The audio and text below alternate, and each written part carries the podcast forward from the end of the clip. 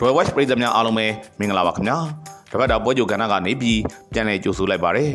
ဥရောပလိဂ်တွေဟာပြည်ရင်းလိဂ်ရှုံးထွက်ဖလားချန်ပီယံလိဂ်ယူရိုပါလိဂ်နဲ့ယူရိုပါကွန်ဖရင့်လိဂ်တွေအကြားပွဲဆက်တွေများလာခဲ့ပါပြီလက်ရှိကာလမှာတန်းစင်းစုံပတ်ဝန်းကျင်ကိုရောက်နေတဲ့အသင်းတွေဥရောပပြိုင်ပွဲပါဝင်ကစားခွင့်တနေရာစာကိုမျှော်လင့်နိုင်တဲ့အလဲအလက်အသင်းတွေကအားထက်ရုန်းကန်လာကြတဲ့အတွက်အသင်းကြီးတွေအခက်တွေ့လာတာကိုမြင်တွေ့နေရပါတယ် ဒီတစ်ပတ်မှာ Royal Watch ပြည်သက်တွေအတွက်ရွေးချယ်တင်ဆက်ပေးလိုက်တဲ့အကောင်းဆုံးပွဲစဉ်တွေကဘယ်ပွဲစဉ်တွေဖြစ်လာလိမ့်မလဲဆိုတာကိုရင်ခုန်ခန်းစားကြည့်လိုက်ပါအောင်ခင်ဗျာ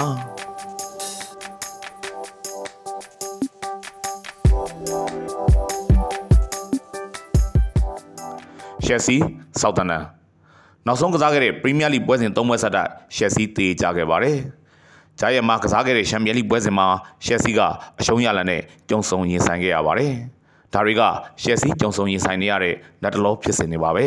။ဒီပွဲစဉ်လေးပွဲမှာရှယ်ဆီကသွင်းကိုဆိုလို့တကိုးရဲသာရှာဖွေရရှိခဲ့ပါတယ်။အခုပွဲစဉ်မှာရလမကောင်းခဲ့ရင်ရှယ်ဆီအတွက်က PR တွေတိုးတက်တဲ့ပိုတိုးလာတော့မှာပါ။အမဘေးစရာအောက်ရှိကဆောက်ဇန်နန်ဟာဂိုးပြမရှုံးအောင်ပဲကြိုးစားပါလိမ့်မယ်။ပထမကြော့ရှုံးကြီးကိုရှက်ဆီပြန်ဆက်ပါလိမ့်မယ်။ရှက်ဆီဟာနှစ်ဂိုးကိုမရှိသုံးဂိုးတဂိုးလိုရလာမျိုးနဲ့အနိုင်ယူသွားပါလိမ့်မယ်ခင်ဗျာ။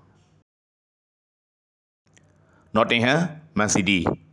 အာဆင်နယ်တဲ့ပွဲစဉ်တစ်ပွဲပိုကစားထားတဲ့အနေအထားတရက်နဲ့ပရီးမီးယားလိအမှတ်ပေးစရာရဲ့ထိပ်ဆုံးနေရာစီကိုမန်စီးတီးတက်လှမ်းရောက်ရှိလာခဲ့ပါပြီ။နော်တင်ဟန်ကကစားပုံတိုးတက်လာပေမဲ့အသင်းကြီးတွေကိုခံကန်နိုင်တဲ့လိုအားနှုန်းမျိုးရှိမနေသေးပါဘူး။ချန်ပီယံဆုကို၃နှစ်ဆက်တိုက်စုခုကင်မြောက်နိုင်မှုအတွက်အခွင့်အလမ်းအရန်ကောင်းသွားခဲ့ပြီဖြစ်တဲ့မန်စီးတီးဟာဒီပွဲပြီးရင်ချန်ပီယံလိပွဲစဉ်ကစားရဖို့ရှိနေတာကြောင့်အဓိကကစားသမားအစုံလင်ကိုပွဲထုတ်လာမလား ပွဲမထုတ်ဘဲတချို့တော့အနားပေးထားလိမ့်မလားဆိုတာစိတ်ဝင်စားစရာပါပဲ။မန်စီးတီးဟာနှစ်ဂိုးကိုမရှိလို့ရလမျိုးနဲ့အောင်ပွဲခံသွားပါလိမ့်မယ်ခင်ဗျာ။မန်ယူလက်စတာဒီပွဲပြီးရင်မန်ယူကဘာစီလိုနာနဲ့ယူရိုပါလိရှုံးတော်ပွဲစဉ်ရှင်ပြိုင်ရဖို့ရှိနေပါတယ်။အဲဒါကြောင့်ဘလို့ခင်းချင်းမျိုးကိုမန်ယူနီးပြအီရစ်တန်အသုံးပြုလာလိမ့်မလဲဆိုတာကစိတ်ဝင်စားစရာပါ။လက်စတာကလက်တလုံးမှာရှေ့စွာနေပါတယ်။နောက်ဆုံးကစားခဲ့တဲ့ပရီးမီးယားလိပွဲစဉ်နှစ်ပွဲဆက်တာ တပွဲကို၄ဂုံးလုံးသွင်းခဲ့တဲ့လက်စတာတိုက်စစ်ရဲ့စွမ်းဆောင်ရည်ကအားရစရာပါပဲ။မန်ယူကအခုနောက်ပိုင်းနှစ်တွေထဲမှာလက်စတာနဲ့ဆုံရင်ခက်ခက်ခဲခဲကစားရတာတွေရှိလာပါတယ်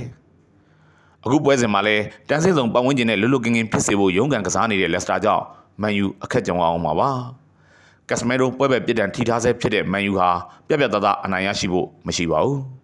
တကူကိုမရှိနှစ်ကိုးတကူလောက်နဲ့ပဲကတ်နိုင်သွားပါလိမ့်မယ်ခင်ဗျာစပါ ဝတ်ဆန်လန်ဒန်မြို့ခံအသင်းချင်းချင်းထိတ်တိုက်တွေ့တဲ့ပွဲစဉ်မှာပဲစပါဟာပြီးခဲ့တဲ့သတင်းပတ်တုန်းကလက်စတာကိုဂိုးပြတ်ရှုံးနေခဲ့ပြီးဂျာရဲ့ချန်ပီယံလိပွဲစဉ်မှာ AC မီလန်ကိုထပ်မံရေးနေထားတာကြောင့် PR အောက်ကိုရောက်ရှိလိုနေပါတယ်။ဝက်ဆန်ကလည်းတန်းစင်းစုံပတ်ဝန်းကျင်ကနေလွတ်မြောက်ခွင့်ရနိုင်အောင်စူးစမ်းရုန်းကန်နေတဲ့အသင်းပါ။နောက်ဆုံးကစားခဲ့တဲ့ပရီးမီးယားလိပွဲစဉ်၅ပွဲမှာဝက်ဆန်ကတပွဲတည်းသာရှုံးနေခဲ့ပါတယ်။စပါအတွက်ပွဲချက်တစ်ပွဲဖြစ်လာမှာပါ။ အင်ရှင်ခွင့်ရေးရှိနေသလိုနိုင်ပွဲရအောင်အားထက်ကစားသွားမဲ့စပါကိုအကြိုက်တွေ့နေမိပါတယ်ခင်ဗျာ။အက်စတွန်ဗီလာအာဆင်နယ်ပွဲကောင်းတစ်ပွဲဖြစ်လာပါလိမ့်မယ်အက်စတွန်ဗီလာကိုတာဝန်ယူထားသူကအာဆင်နယ်နီးပြဟောင်းယူနိုက်အမ်မရီပါယူနိုက်အမ်မရီလက်ထက်မှာအက်စတွန်ဗီလာရဲ့ကစားပုံတိုးတက်ကောင်းမွန်လာတာကိုသတိပြုရပါလိမ့်မယ်တန်းစင်စုံပတ်ဝန်းကျင်မှာရုန်းကန်နေရတဲ့ဘဝကနေပြီးအခုလိုအတိုင်းအတာတရက်အထိအက်စတွန်ဗီလာတက်ရောက်ရက်တည်လာနိုင်တာကယူနိုက်အမ်မရီရဲ့စွမ်းဆောင်ရည်တွေကြောင့်ပါပဲ အက်စတွန်ဗီလာကလက်တလုံးမှာတော့နောက်ဆုံးကစားခဲ့တဲ့ပရီးမီးယားလိပွဲစဉ်နှစ်ပွဲဆက်တိုက်ရှုံးပွဲကြုံထားပါတယ်။ဒီပွဲကအင်ကွင်းအားသာချက်ကိုလက်ကင်ပြုပြီးအက်စတွန်ဗီလာနိုင်ပွဲရအောင်ကြိုးစားလာမယ့်ပွဲစဉ်မှာအာဆင်နယ်ဘက်ကိုကြည့်လိုက်တော့လေဒီပွဲကမနိုင်ရင်မဖြစ်တော့တဲ့ပွဲမျိုးဖြစ်နေပါတယ်နောက်ဆုံးကစားခဲ့တဲ့ပရီးမီးယားလိပွဲစဉ်၃ပွဲမှာတလွဲတချော်တွေဖြစ်ခဲ့လို့ဒီပွဲမှာထပ်မရင်အာဆင်နယ်အတွက်နာနေတဲ့ဇက်ကနာလုံးချင်းမကပိုနာသွားပါတော့မယ်။ကွင်းလယ်ခန်းစစ်နဲ့ ခန်းစစ်ပိုင်းဆိုင်ရာလိုအပ်ချက်လက်ရချက်တွေကိုအာဆင်နယ်ပြုပြင်နိုင်မှုလိုအပ်ပါတယ်။အဲ့ဒီလိုမှမလုပ်နိုင်ခဲ့ရင်တော့အမှတ်ပေးစရာထိတ်ကိုတက်လန်းရောက်ရှိသွားပြီဖြစ်တဲ့မန်စီးတီးက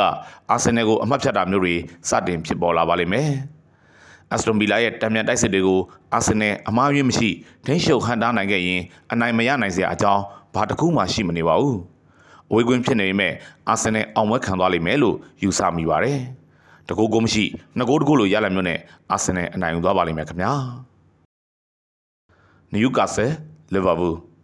မာဆေးဆိုင်ဒါဤပွဲမှာအေဗာတန်ကိုအနိုင်ယူပြီး PR အောက်ကနေခိတ္တခဏလွတ်မြောက်လာတဲ့လီဗာပူးအတွက်ပွဲချက်တစ်ပွဲဖြစ်လာပါလိမ့်မယ်။ဒီပွဲပြီးတာနဲ့ချန်ပီယံလိပြိုင်ပွဲဘက်စီကိုတွားရောက်ပြီးရီယယ်မက်ဒရစ်နဲ့ကစားရဖို့ရှိနေတာကြောင့်လီဗာပူးဟာပြိုင်ပွဲနှစ်ခုအကြားဟန်ချက်ညီအောင်လှုပ်ဆောင်ရပါလိမ့်မယ်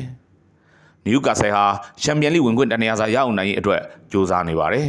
။လက်ရှိမှာတော့ပွဲဆက်များမှုတွေနဲ့အတူနယူကာဆယ်ရဲ့ရလဒ်တွေကလည်းအနှဲငယ်ရင်းရိုင်လိုနေပါတယ်။ နောက်ဆုံးကစားခဲ့တဲ့ပရီးမီးယားလိပွဲစဉ်၃ပွဲဆက်တိုက်တေရလဒ်တွေနဲ့ကြီးကြုံဆုံခဲ့ရတာကတော့နယူကာဆယ်အတွက်စိတ်ပျက်စရာပါပဲ။တေကြခဲ့ရတဲ့အသင်းတွေကလည်းခရစ္စတယ်ဘဲလစ်ဝက်ဆန်နဲ့ဘုံမောက်တို့ဖြစ်နေတာကြောင့်နယူကာဆယ်အတွက်နစ်နာလွန်ခြင်းမကနစ်နာလှပါတယ်။လီဗာပူးကလည်းလက်တလုံးမှာအမှတ်ပေးစရာရဲ့အဆင့်9နေရာစီကိုရောက်ရှိနေတာကြောင့်နိုင်ပွဲတွေရမှတ်လိုအပ်ချက်တွေမြင့်တက်နေပါတယ်။နယူကာဆယ်ရဲ့အသင်းလိုက်ကစားကောင်းမွန်မှုအင်ကွင်းမှာကြောင်းမှု ထိပ်သည့်အသင်းတွေကိုချိန်မနေပဲတုံ့ပြန်ကစားမှုတွေကြောင့်လီဗာပူးမလွယ်တော့ပါဘူး။တေဟာနှစ်သင်းလုံးအတွက်ညှတ်တာတဲ့ရလက်ဖြစ်ပါတယ်ခင်ဗျာ။အခုတစ်ပတ်ရှင်မြန်ရမယ့်ထိပ်သီးလိပြိုင်ပွဲကြီးတွေကအကောင်းဆုံးဖြစ်နိုင်လောက်တဲ့ပွဲစဉ်တွေကို Royal Watch ပြည်သက်တွေအတွက်ရွေးချယ်သုံးသပ်ပေးလိုက်ပြီးဖြစ်ပါတယ်။ Royal Watch ပြည်သက်တွေအနေနဲ့ကံကောင်းမှုတွေကိုရရှိနိုင်ပါစေကြောင်းလည်းဆုတောင်းပေးလိုက်ပါတယ်ခင်ဗျာ။